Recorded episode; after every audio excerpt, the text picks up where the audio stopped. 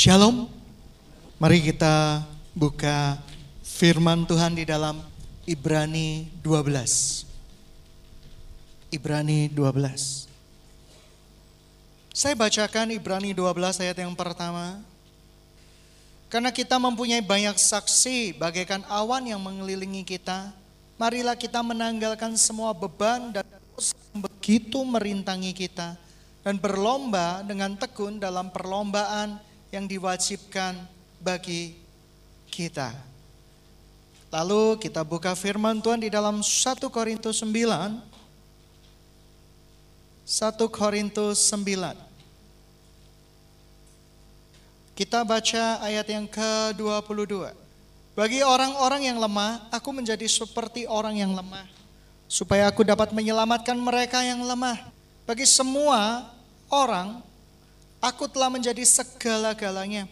Supaya sedapat mungkin memenangkan beberapa orang dari antara mereka. Segala sesuatu ini aku lakukan karena Injil, supaya aku mendapat bagian di dalamnya tidak tahukah kamu bahwa dalam gelanggang pertandingan semua turut berlari, bahwa hanya satu orang yang mendapat hadiah. Karena itu larilah sedemikian begitu rupa supaya kamu memperolehnya. Tiap-tiap orang yang turut mengambil bagian dalam pertandingan menguasai dirinya dalam segala hal. Mereka berbuat demikian untuk memperoleh suatu mahkota yang fana, tetapi kita untuk memperoleh suatu mahkota yang abadi. Sebab itu aku tidak berlari tanpa tujuan dan aku bukan petinju yang sembarangan saja memukul. Tetapi aku melatih tubuhku dan menguasai seluruhnya supaya sesudah memberitakan Injil kepada orang lain, jangan aku sendiri ditolak. Hidup ini adalah perlombaan dan pertandingan. Amin. Amin. Kamu pernah lihat orang berlari? Kita berlomba kita berlari. Kita tidak melihat trek orang lain, kita tidak lihat lintasan orang lain, tetapi mata kita sedemikian rupa tertuju kepada hadiah sorgawi. Kemarin malam saya chat grup leader. Saya bilang hari-hati ini hati-hati, banyak orang yang pikirannya tidak baik. Kebetulan kami sedang mengadakan retreat ratusan orang ikut. Dan saya tiba-tiba dapat sesuatu, hati-hati dengan kamera tersembunyi. Karena begitu banyak orang sekarang yang hidupnya menyerahkan pikirannya kepada si jahat untuk dikuasai sedemikian rupa. Karena pernah beberapa kejadian di tempat retreat yang lampau, apa yang saya dapatkan di dalam doa ternyata benar. Ada satu orang ya kamu pikir peserta-peserta retreat itu orang-orang yang baik-baik semua? Enggak. Mereka perlu dipulihkan. Oleh karena itu panitia waspadanya harus tingkat tinggi. Ya, akhirnya ya puji Tuhan kami sterilkan beberapa area dan puji Tuhan Tuhan bongkar beberapa kejadian-kejadian yang lampau. Tapi saya berpikir seperti ini, kenapa sih? Di gereja Tuhan, di tempat kudus Tuhan, di tempat retreat-retreat, ada saja orang yang berniat tidak baik. Genaplah firman Tuhan. Karena mereka tidak merasa perlu mengenal Tuhan, oleh karena itu Tuhan menyerahkan kepada mereka pikiran-pikiran yang terkutuk, pikiran-pikiran yang gak layak dipikirkan sama sekali. Oleh karena itu sidang jemaat yang dikasih Tuhan, kita belajar bahwa di dalam hidup ini kita itu punya lintasan iman yang harus kita selesaikan. Jangan lihat lintasan orang lain. Ketika kita melihat lintasan orang lain, muncullah iri hati, muncullah segala sesuatu yang jahat. Dan ketika itu muncul di dalam pikiran kita, Tuhan akan menyerahkan kita kepada pikiran-pikiran yang tidak layak yang terkutuk karena kita Tuhan menganggap kita tidak perlu takut sama dia. Kita tidak perlu sungguh-sungguh dengan dia. Kita tidak perlu sesuatu dengan dia. Hidup ini adalah perlombaan dan pertandingan dan bukan pembandingan. Kasih salam kiri kanan. Hidup bukan pembandingan, tetapi hidup adalah pertandingan. Hidup adalah pertandingan, bukan pembandingan. Begitu ada orang yang menikah panas. Kamu kapan nikah? Panas. Ya kan? Hot. Hancur hatinya. Ketika temannya punya jodoh, kapan kamu punya jodoh? Hot. Panas. Yang paling masalah yang sudah beristri bersuami dengar orang menikah ikut panas. Ini stres gitu ya. Ini stres. Seperti itu. Yang sudah punya jodoh, ketemu orang lain punya jodoh, tiba-tiba panas. Ini apa-apaan? Banyak orang yang hidupnya tidak pernah bisa mengerti kasih Tuhan karena hidupnya selalu penuh dengan pembandingan-pembandingan. Dan pembandingan-pembandingan ini dimulai dari usia kecil. Engkau dibandingkan dengan adikmu, adikmu dibandingkan dengan engkau, engkau dibandingkan dengan yang lain. Oleh karena itu dari kecil kita mengenal pembandingan. Lihat temanmu, temanmu ranking terus, tidak pernah belajar, tapi pinter. Tapi kamu belajar sungguh-sungguh, kau cuma dapat segini. Kalau orang tuamu berkata seperti itu, kasih salam kepada orang tuamu. Keturunannya siapa? Amin. Amin. Keturunannya siapa buat jatuh tidak jauh dari pohonnya. Hidup kita dari kecil sudah pembandingan. Seringkali kita lihat, saya mendengar curhat-curhat teman-teman dari bukan sekolah sini, sekolah yang lain. Bahwa dibandingkan sama gurunya. Eh, kamu itu bodoh, lihat temanmu itu pintar. Dari kecil kita sudah dikasih racun pembandingan. Oleh karena itu damai sejahtera tidak pernah mengikuti kehidupan kita. Nanti ada teman yang punya anak panas. Panas. Kapan aku punya anaknya? Nanti anaknya kalau sudah tiga, panas lagi. Kenapa aku nggak empat? Ini orang bermasalah secara rohani. Jikalau Anda sering melihat rupa-rupa kejadian dan Anda membandingkan dengan kejadian yang menimpa diri Anda, sebenarnya kita ini orang yang paling menyedihkan di dunia. Karena saya percaya Tuhan menciptakan kita itu unik, menarik, dan khusus. Saya punya talenta apa? Anda punya talenta apa? Saya tidak ada satu orang yang bisa menguasai 100% talenta. Percayalah. Ada orang yang punya talenta, garuk-garuk punggung dan nyampe. Saya nggak bisa, punggung saya nggak nyampe. Oleh karena itu saya butuh bantuan alat untuk menggaruk punggung. Saya nggak mungkin iri, enak ya tanganmu panjang, bisa menggaruk punggung. Hidup yang terlalu banyak pembandingan akan membuat gambaran Tuhan di dalam hidup kita itu rusak. Ketika saya belum mengenal Tuhan sungguh-sungguh, ada suara hati yang mirip Tuhan. Yang berkata kurang lebih seperti ini, hei kenapa nggak bisa seperti itu? Temanmu punya mobil, kenapa kamu tidak punya mobil? Sebab akulah Tuhan yang mencukupi kebutuhanmu. Uh, suara hati yang rusak tiba-tiba bisa menjadi super rohani. Karena kita dari kecil sudah diinputkan pembandingan demi pembandingan. Saya tidak mau seperti itu. Bagi saya, anak-anak saya adalah anak-anak yang luar biasa. Setiap pagi saya doakan, saya berkati kamu pintar, kamu pandai. Anak saya ada yang remedi, tidak apa-apa. Pintar kamu, kamu pandai kamu. Saya tidak pernah keluar dari bibir saya, bodoh, tidak pernah. Karena bagi saya, mereka punya pertandingan sendiri-sendiri. Apa hak saya membanding-bandingkan. Anak yang satu dengan yang lain talentanya berbeda. Anak-anak rohani punya talenta yang berbeda-beda. Ada yang talentanya merayu Tuhan. Ada yang talentanya merayu lawan jenis. Ya kan? Tapi ditolak terus. Itu banyak juga. Gitu ya. Ada yang talentanya ngepoin orang. Itu ya. Orang yang nggak tahan. Kalau dengar suatu berita kata, cepat kasih tahu aku. Ada apa? Ada apa? Itu bukan talenta ya. Itu keganjenan memang gitu ya. Kebangetan.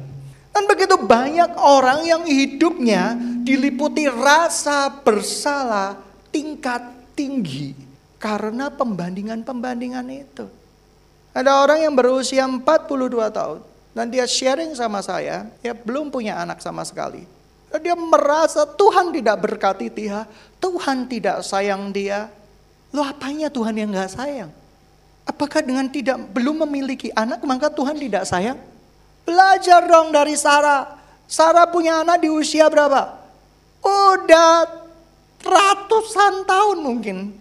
Ya, sudah emak-emak tingkat dewa. Benar-benar sudah pikun tetapi memiliki anak. Ada orang-orang yang tidak dikaruniai anak, apakah itu membuktikan Tuhan tidak mencintaimu? Kita ini kadang naif. Hidup kita ini Ucapan syukur kita kalau dapat berkat. Ucapan syukur kita kalau kita mendapatkan pembandingan yang kita mau. Tapi kita jarang mengucap syukur kalau kita menyelesaikan pertandingan yang Tuhan sediakan di dalam lintasan kita sendiri. Oleh karena itu muncul doktrin-doktrin ketakutan di akhir zaman ini. Saya begitu banyak melihat kekristenan yang bukan kekristenan di akhir zaman ini. Saya harus berani berkata-kata, walaupun jemaat menurun, tidak peduli. Karena yang penting jemaat saya masuk dalam kerajaan surga yang betul, bukan pura-pura, bukan imajinasi. Begitu banyak orang yang hidup di dalam ketakutan demi ketakutan. Kalau ndak bayar perpuluhan, Tuhan ndak cinta. Kalau ndak bayar amplop persembahan gereja, Tuhan tidak berkati. Kita menjadi takut, penuh ketakutan. Tidak wes bayar wes daripada usahaku dicengkram oleh iblis. Oleh karena itu begitu banyak hamba-hamba Tuhan yang menurut saya perlu bertobat. Ketika ada seorang jemaat bertanya kepada seorang hamba Tuhan, kenapa usahaku tidak rame? Udah bayar perpuluhan belum? Apa hubungannya usaha dengan perpuluhan. Setelah perpuluhan, ya dikasih perpuluhan, tiba-tiba Pak Pendeta masih sepi juga usahanya. Eh, udah buah sulung nggak kamu? Buah sulung itu adalah hasil pertama dan Tuhan suka itu. Kita kasih buah sulung. Lalu masih belum diberkati. Datang lagi ke pendeta, pendeta saya belum diberkati. Sudah pelepasan nggak kamu? Ya, kamu perlu dilepaskan dari kutuk-kutuk keluarga. Bayar PK untuk pelepasan. Setelah bayar PK untuk pelepasan, Tuhan berkata, ada emas yang belum kamu berikan kepada Tuhan. Berikan itu, itu adalah sumber kutuk. Uh, dikasih emas. Hamba Tuhannya tambah kaya, jemaatnya tambah melarat. Ini doktrin sesat. Ini berasal dari setan dan keinginan-keinginan dunia. Dan jangan pernah percayai hal-hal tersebut. Kita datang kepada Tuhan itu dengan sukacita, dengan hormat, saya beri perpuluhan, bukan hanya perpuluhan 90% harta kekayaan saya, saya kerahkan untuk kemuliaan nama Tuhan. Tetapi saya berikan bukan supaya Tuhan itu menjadi preman yang jagai keluarga saya, yang jagai usaha saya, sehingga usaha saya itu tetap rame. Enggak. Usaha sepi bersyukur, usaha rame bersukacita. Karena prinsip saya, saya memberi karena saya mencintai, bukan takut. Suami-suami engkau memberi istrimu karena takut atau karena mencintai. Kalau seorang istri berkata seperti ini, mana gajianmu? Mana? Ini ini gajianku nih, ambil, ambil. Itu ketakutan. Tapi memberi dengan mencintai itu beda. Sebelum dia ngomong, amplop sudah tersedia. Tulis saja, minta berapa. Ya kan? Ambil yang merupakan bagianmu. Sisanya minta Tuhan. Tidak apa. Itu karena mencintai.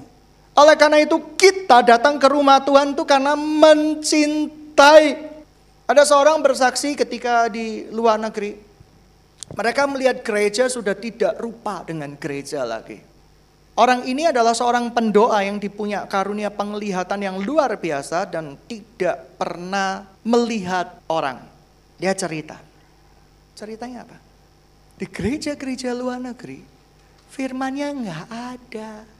Firmannya adalah bagaimana pembandingan demi pembandingan.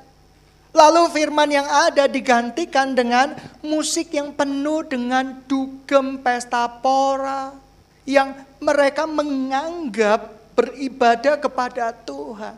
Dan orang itu melihat di seluruh gereja itu tidak ada malaikatnya yang ada adalah iblis-iblis. Mereka adalah kumpulan orang yang sangat-sangat banyak. Dan mereka merasa berbuat bakti kepada Tuhan. Bayangkan, penyesatan itu tipis bedanya. Orang yang sadar disesatkan dengan begitu mudah itu bukan penyesat. Iblis itu licik luar biasa. Kalau dia mau menyesatkan, dia akan gunakan lembaga agung gereja untuk menyesatkan banyak domba. Sidang jemaat yang dikasih Tuhan, gembalamu bisa salah nggak? Bisa. Pernah ada yang lihat saya nggak bisa dikritik, terlalu banyak dikritik malah. Dan saya tidak pernah kutuk Anda jadi kodok. Karena bagi saya, kritik adalah untuk membakar saya. Bukan dengan api amarah, supaya saya muncul sebagai emas yang murni. Emas yang murni itu diperoleh dari dapur bara api yang sangat panas. Perak adalah unsur terakhir sebelum emas yang harus dibuang sebelum mendapatkan emas yang sangat murni. Di Alkitab, perak itu berharga. Tapi yang saya ketahui, untuk mendapatkan sesuatu yang sangat berharga, Anda harus melepaskan yang berharga dulu di mata kamu. Perak itu harus kita serahkan kepada Tuhan supaya emas yang murni itu muncul di dalam kehidupan kita. Oleh karena itu, ketika saya menyerahkan keinginan saya, kerinduan saya untuk bekerja di dunia secara penuh waktu, Tuhan memberkati saya. Karena saya menyerahkan apa yang saya anggap itu perak di mata saya itu begitu berharga, begitu bernilai. Tapi Tuhan berkata, enggak, levelmu enggak cukup perak. Levelmu harus menjadi emas yang murni. Seringkali kita bilang, Orang itu ngeceng sama saya. Semua perbuatan saya disalahkan. Kakak rohani itu ngeceng sama saya, sentimen sama saya. Semua perbuatan saya diawasi. Anak rohani saya itu ngeceng sama saya. Ya, sentimen sama saya, semua perbuatan saya diawasi. Hei, tidak ada kata ngeceng di dalam firman Tuhan. Percayalah, kritik kalau kita mau pakai sungguh-sungguh, itu akan membuat kita ini lebih baik. Amin. Amin. Dulu saya pengusaha IT. Ada seorang konsumen berkata sama saya, Pak, ya, Kak, tokomu ini kok semua nggak ada sih. Heran, niat jualan tidak? Uh, panas nggak? Panas. Uh, kepingin tahu sih orang itu. Apalagi kalau ngomongnya sambil bentak-bentak. Wih, panas. Tapi roh Tuhan berkata, loh betul loh yang dikatakan orang itu. Kamu jualan apa semuanya nggak ada. Dari situ saya belajar memenuhi semua yang ada di perusahaan tersebut. Dan akhirnya berkembang. Kita bisa gunakan kritik untuk kemajuan kita. Jangan gunakan kritik untuk memuaskan telinga panas kita. Emosi, baper. Weh, kita nggak akan bisa pernah menjadi emas yang murni. Emas yang murni itu indah di hadapan Tuhan. Kasih salam kiri kanan. Sebelum yang berharga, yang luar biasa itu muncul. Serahkan dulu yang berharga. Ayo serahkan. Loh iya, ada seorang sepasang orang tua yang menganggap anaknya itu sangat-sangat berharga dan memang sangat berharga. Sampai satu kali Tuhan berkata, serahkan didikan anak itu di dalam tangan kasihku. Jangan terlalu mengontrol, lepaskan itu. Dengan berat hati orang tua yang taat sama Tuhan ini melepaskan. Bukan berarti membiarkan ya tapi mengizinkan firman Tuhan mengisi hidup mereka melebihi daripada ketakutan-ketakutan orang tua mereka. Dan puji Tuhan, Tuhan tidak pernah mempermalukan orang. Ketika kita menyerahkan sesuatu yang kita anggap berharga di mata Tuhan, Tuhan akan gantikan dengan beribu kali lipat yang jauh lebih berharga. Serahkan kekhawatiranmu kepada Tuhan. Karena kekhawatiran tidak akan menambah apa pun. Anakku besok jadi apa? Ya jadilah jadi. Masa jadi-jadi-jadian? Tidak pernah. Tuhan memelihara untuk meninggalkan kita. Oleh karena itu jangan khawatir. Ada orang ya yang kemarin itu 42 tahun. Kok? Ya apa? Masa tuaku nanti? Siapa yang akan mengubur aku kalau belum punya anak? Orang. Loh iya, orang. Tidak mungkin hantu. Tidak mungkin kucing. Tidak mungkin anjing-anjing peliharaan kamu. Pasti orang. Dapat peduli cara mati. Engkau mati di rumahmu, engkau mati di kamarmu, di kamar hotel, engkau mati di jalan raya. Fisikmu memang mati, tapi rohmu hari itu juga bertemu dengan Bapa di surga. Masa kamu masih mementingkan cara mati kamu?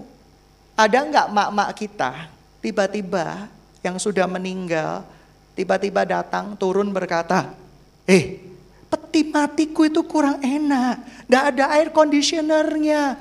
Kamu dijawil seperti itu. Kira-kira kamu bersuka cita atau lari? Terus makmu tiba-tiba menguap. Kasurnya nggak enak, bantalnya ini loh. Mak ini kaku semua, ganti bantal. Baru mak bisa berbaring dengan tenang. Wih, ngeri ya kalau ada yang seperti itu. Oleh karena itu tidak peduli cara mati. Orang dunia berkata, sak noire. Para rasul saknoire dibakar, dimasukkan di dalam dapur perapian saknoire. Ingat, emas yang murni itu nggak akan muncul sebelum emas itu dibakar dan diserahkan kepada Tuhan. Sedang jemaat yang dikasih Tuhan, hidup itu dalam trackmu lah, kamu akan berbahagia. Jangan lihat track orang lain, Orang lain punya pacar marah, orang lain punya istri marah, orang lain punya suami marah, orang lain punya anak baper, orang lain punya istri baper. Yang sudah suami istri lihat orang menikah juga ikut baper. Aneh kan? Aku dulu nikahnya nggak gitu. Kok? Aku pingin ada balon-balon berterbangan. Ini ulang tahun apa pernikahan ya gitu. Aku ingin gitu ya. Ada asap-asap. Dulu waktu nikah dengan kamu sih kebakaran. Jadi nggak ada asap, tidak ada suatu sensasi. Aku pingin nikah lagi. Uh, ini orang stres gitu ya seperti itu. Lihat ulang tahun marah, lihat pesta pernikahan jadi baper kamu itu murid Tuhan atau murid dunia sih? Yang murid Tuhan angkat tangan. Sungkan gak angkat tangan. Yang murid dunia angkat tangan. Kita murid Tuhan, kita anak Tuhan. Ketika orang lain rumahnya gedongan dengan iri hati, apakah itu bisa menambah sukacitamu? Pikir. Ayo dipikir. Ya. Apakah itu bisa menambah derajatmu. Ketika orang lain dapat mobil, kamu nggak dapat. Kamu mikirin orang lain dapat mobil, gelanggang orang lain, kamu lebih panas, stres, stroke, dan cepat mati. Oleh karena itu, berlari dalam trek, saya tidak pernah tergoda dengan orang-orang yang punya berita. Eh, aku bangun hotel loh kok. Puji Tuhan. Apa? Upahmu besar di surga. Kamu bisa jadi berkat. Saya sering bercanda. Hmm, Awas ya, tak bangun hotel yang lebih besar dari kamu. Itu cuma bercanda. Tapi saya berkata, eh, puji Tuhan, kamu sudah punya hotel. Saya berbahagia dengan jalan saya. Amin. Amin. Walaupun kamu punya hotel, kamu mati, hotelmu dibawa enggak? Enggak. Kalau kamu bawa hotelmu waktu kamu mati, kamu enggak akan pernah masuk surga. Karena kamu terbebani dengan apa yang ada di dunia ini. Sekali lagi, hidup adalah pertandingan, bukan pembandingan. Oleh karena itu jangan tolah-toleh lintasan orang lain. Seorang pebalap yang terlalu banyak tolah-toleh lintasan orang lain, pembalap itu akan nobrok, percayalah. Dia cuma fokus dengan lintasannya. Dia fokus dengan lintasannya, dia fokus dengan pertandingan imannya. Yaitu aku menyelesaikan segala sesuatunya dengan baik. Aku memelihara imanku dan aku mempertahankannya. Belajar untuk kenali doktrin-doktrin yang berasal dari setan-setan dan bukan berasal dari firman Tuhan. Tuhan adalah penjagamu, bukan preman. Sehingga ketika engkau nggak nuruti Tuhan, Tuhan akan basmi kamu. Tuhan kita nggak seperti itu. Tuhan kita adalah Tuhan yang penuh dengan kasih setia. Oleh karena itu, orang-orang yang tidak mengenal Tuhan pasti masuk neraka enggak? Pasti. Tetapi jangan pernah gunakan neraka untuk menakuti anak-anak Tuhan supaya menuruti apa yang kita mau. Sebab Tuhan kita bukan preman. Barang siapa ada roh ketakutan, dia tidak memiliki roh Kristus. Sidang jemaat yang dikasihi Tuhan, awan saksi melihat kita semua. Awan saksi itu ada yang menerjemahkan orang-orang kudus Tuhan. Ada yang menerjemahkan adalah orang-orang percaya yang sudah menyelesaikan garis iman mereka dan mereka berkumpul di dalam sebuah stadion. Saya mengimani yang kedua. Walaupun awalnya saya mengimani yang pertama. Dan awan-awan saksi itu saya tidak tahu. Mungkin itu oma saya yang sudah meninggalkan saya. Mungkin orang-orang kudus Tuhan yang sudah lama meninggal dunia mereka ada di stadion dan mereka melihat pertandingan saya. Dan begitu saya terjatuh, mereka menguatkan saya kembali. Begitu kalian terjatuh, kalian dikuatkan kembali. Mereka berkata, ayo bangun. Aku Rasul Paulus. Aku pernah jatuh di sana. Ayo bangun, bangun. Aku bisa menyelesaikannya. Masa kamu gak bisa? Awan-awan saksi itu mengelilingi kita. Memberikan semangat buat kita Ketika ada orang yang sudah mau menyelesaikan pertandingan larinya tapi terjatuh, saya percaya stadion sorga bergemuruh dan dia berkata, tinggal sedikit lagi, selesaikan. Jangan pernah biarkan engkau tidak menyelesaikannya. Kami pernah mengalami, jangan takut, aku sudah menyelesaikannya dan engkau harus menyelesaikannya. Sidang jemaat yang dikasih Tuhan, kita punya banyak awan saksi yang mengelilingi kita. Saya percaya itu. Saya berharap one day saya menyelesaikan pertandingan dengan baik. Bukan pembandingan. Saya nggak pernah bandingin. Pernah tergoda. Sering berkali-kali. Tapi saya bertobat. Saya tidak mau pernah mau membandingkan.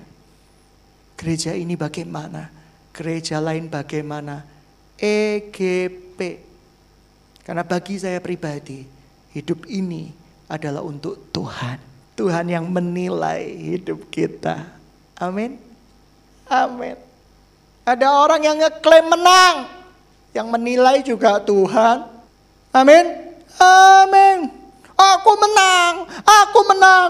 Yeah. Dapat karangan-karangan bunga. Yang nilai siapa? Tuhan. Ya kan? Siapa pemenang sah? Sungguhnya ada begitu banyak anak-anak Tuhan yang ngeklaim dirinya sudah menang. Aku menang. Ya history maker. Aku ngadain retreat, ribuan retreat. Orang maju ke depan. Yang nilai siapa? Tuhan. Di surga Tuhan akan nilai seperti ini. Gerejamu memenangkan berapa jiwa? Tuhan, tiap hari baptisan Tuhan percik ada, celup ada, dicelupin juga ada Tuhan. Hmm, kami gereja yang paling sempurna Tuhan. Ya, kau lihat Tuhan, ini statistik pertumbuhan gereja kita presentasi di surga. Tahun 90 segini, sekarang segini kami mengalami kebangunan rohani. Lalu Tuhan berkata seperti ini, Malaikat Gabriel, siapa bos? Cek, itu DPT-nya ganda enggak? Ya kan? DPT tahu kan, daftar pemilih tetapnya ini ganda enggak? Atau cuma pura-pura? Gabriel memeriksa.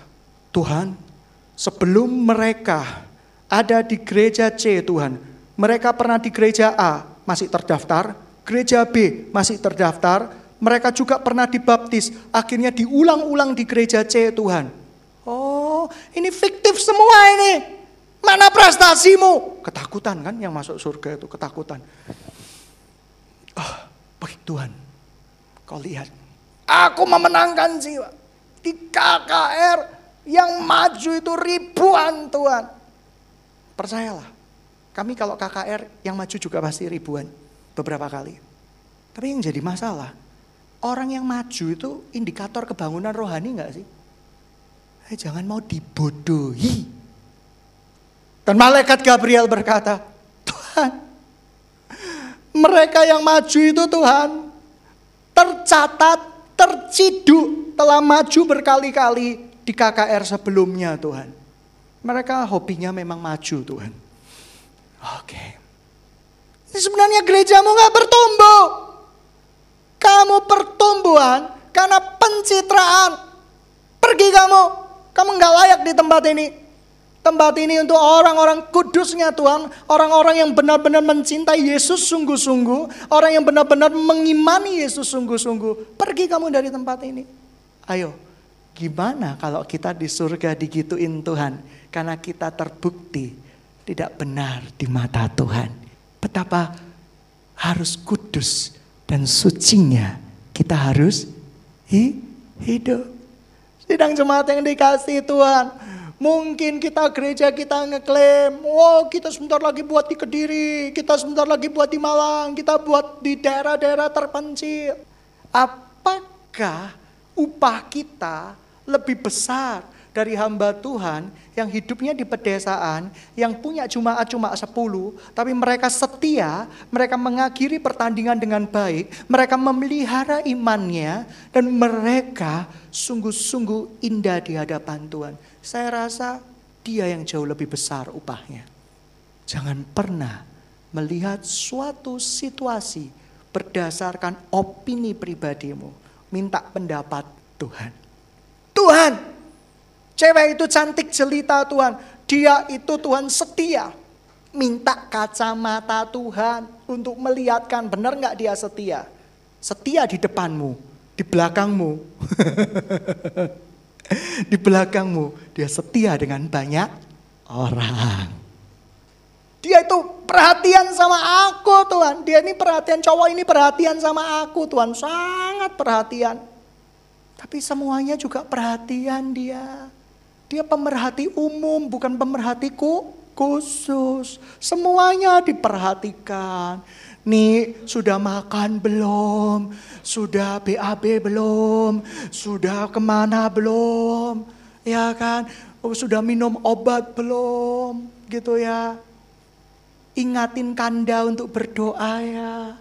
Kamu tahu dia berdoa. Ketika dia baca chat kamu. Kanda, saatnya kita berdoa. Mari kita berdoa sama-sama. Handphone dia taruh dan dia tidur lagi. Kamu tahu enggak? Enggak tahu. Kelemahan wanita, dia itu digombalin. Kelemahan pria juga digombalin sih, itu ya seperti itu. Kok, kak, pak, kamu handsome, uh, berbunga-bunga. Ya, cowok mana yang tidak berbunga-bunga dikatakan handsome, angkat tangan. Jenis kelaminnya perlu dipertanyakan. Semuanya pasti handsome. Kalau cowok bahagia dikatakan, ih kamu cantik sekali. Itu perlu pemulihan. Ya kan, bisa konseling nanti di tempat ini. Oleh karena itu, minta mata Tuhan untuk melihatkan. Berikanku mata. Kita nggak bisa ngelihat dengan mata kita, kita butuh matanya Tuhan. Saya menemukan catatan yang lama sekali, belasan tahun yang lalu. Lucu dengan catatan saya yang dulu itu. Bikin puisi-puisi agak alay. Ya sudahlah, nikmati saja nasib orang melankolis. Tapi benar juga sih, ada beberapa saya ngelihat cowok-cowok ketika di mimbar minta jadi imam. Nih, kamu jadi pengikutku ya. Kan janji pernikahan gitu. Aku mau menerima suamiku sebagai imam, aku akan tunduk dan taat kepadamu. Sebenarnya nggak ada ayatnya tunduk dan taat itu sama Tuhan, gitu ya. Yang tepat itu menghormatimu. ya, seperti itu menghargaimu, mem mentaati perintahmu jikalau perintahmu itu berasal dari Tuhan. Tapi apa yang terjadi? Cowok-cowok kita tidak melihat ada ayat sebelum-sebelumnya yang harus dipatuhi sebelum ayat utama itu ditaati. Hendaklah kamu pasangan yang seimbang. Ini nggak dilihat. Cowok-cowok pinginnya lihat, tat, nurut, nurut. Kamu nggak pasangan seimbang. Suruh orang nurut. Ketika sebuah hukum tidak terjadi, maka jangan meminta hukum yang lebih tinggi. Itu sederhana. Contoh kayak gini deh. Kamu enggak taat bayar pajak.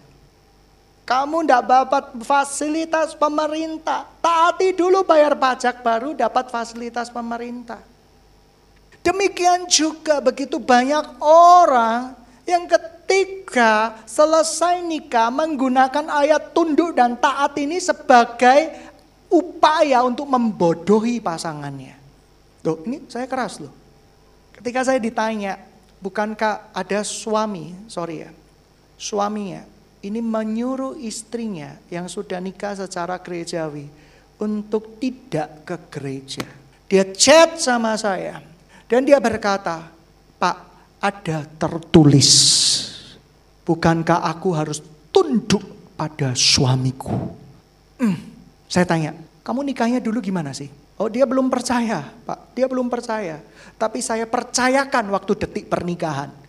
Loh, lalu jarak antara percaya dengan detik pernikahan setahun. Oh, setahun bisa melihat kamu berubah. Berubah, Pak. Dia nganterin saya ke gereja. Dia orang yang paling ngingetin saya. Zaman dulu kan zaman BBM ya. Bangun pagi ya nih ya kita sama-sama mencintai Tuhan. Oh dia yang paling utama ngingetin saya. Malah saya sendiri merasa hidup saya tidak rohani. Tapi begitu nikah semuanya berubah. Saya cuma bilang, bukankah ada tertulis. Hendaklah kamu pasangan yang se, se, seimbang ini berat badan atau apa? Laki-laki harus lebih kuat imannya.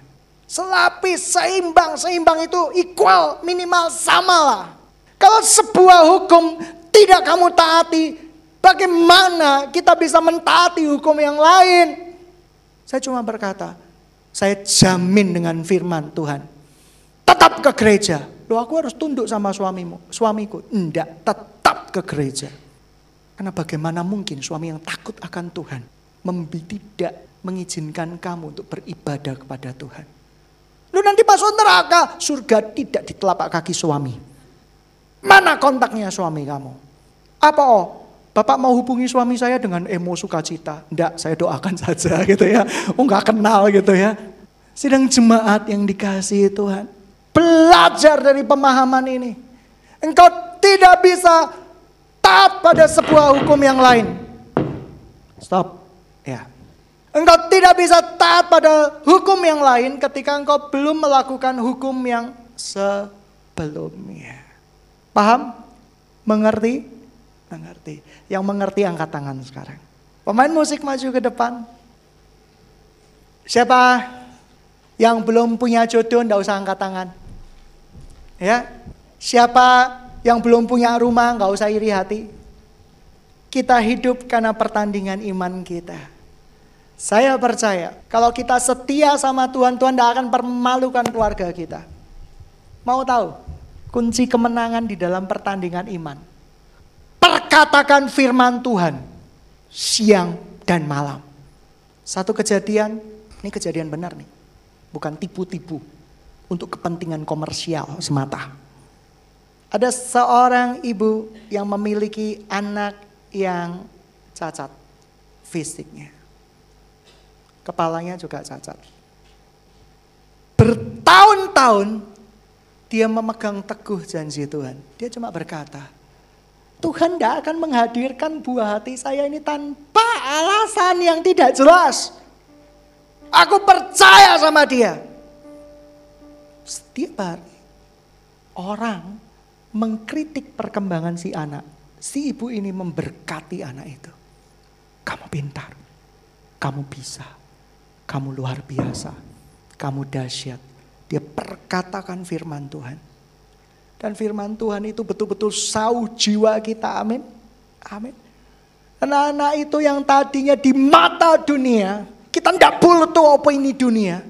Di mata dunia tidak bisa, tidak apa-apa, tidak bisa berbuat apa-apa. Tumbuh menjadi seorang gadis yang luar biasa. Sidang jemaat yang dikasih Tuhan. Kunci pertandingan iman. Isi pikiranmu dengan firman Tuhan.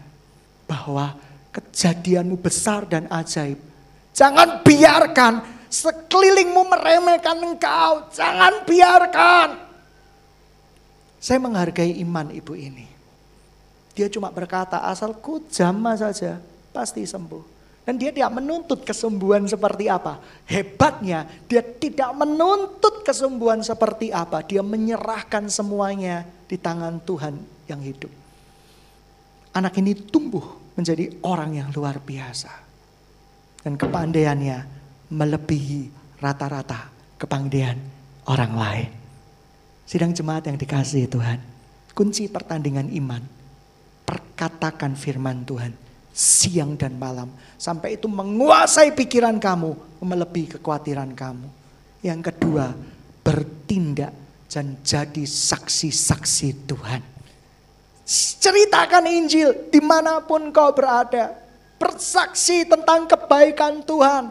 Semua orang akan mengenal Yesus sebagai Tuhan dan Raja di dalam hidup mereka. Bersaksi, bersaksi, bersaksi. Saya cuma sering kali berkata, saya hampir meninggal. Saya ditolong Tuhan. Saya bersaksi kebaikan Tuhan. Saya bersaksi semuanya. Supaya banyak orang dimenangkan. Dan yang terakhir, setelah menjadi saksi-saksi iman pada keluarga kamu, pada teman kamu, pada orang-orang luar yang belum mengenal Tuhan.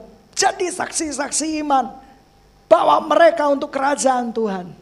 Dan yang terakhir, serahkan semuanya di tangan Tuhan. Amin. Pulang dari tempat ini engkau menjadi orang yang berbahagia. Kenapa? Hidupmu dijamin oleh Tuhan. Engkau punya trek perlombaan. Jangan lihat orang lain. Berkat-berkat itu akan menjadi kejutan kecil di dalam hidupmu. Saat kamu tidak pernah memikirkannya, Tuhan akan berikan dan sediakan untuk kamu. Mari kita tundukkan kepala kita dan sidang jemaat bisa bangkit berdiri bersama-sama.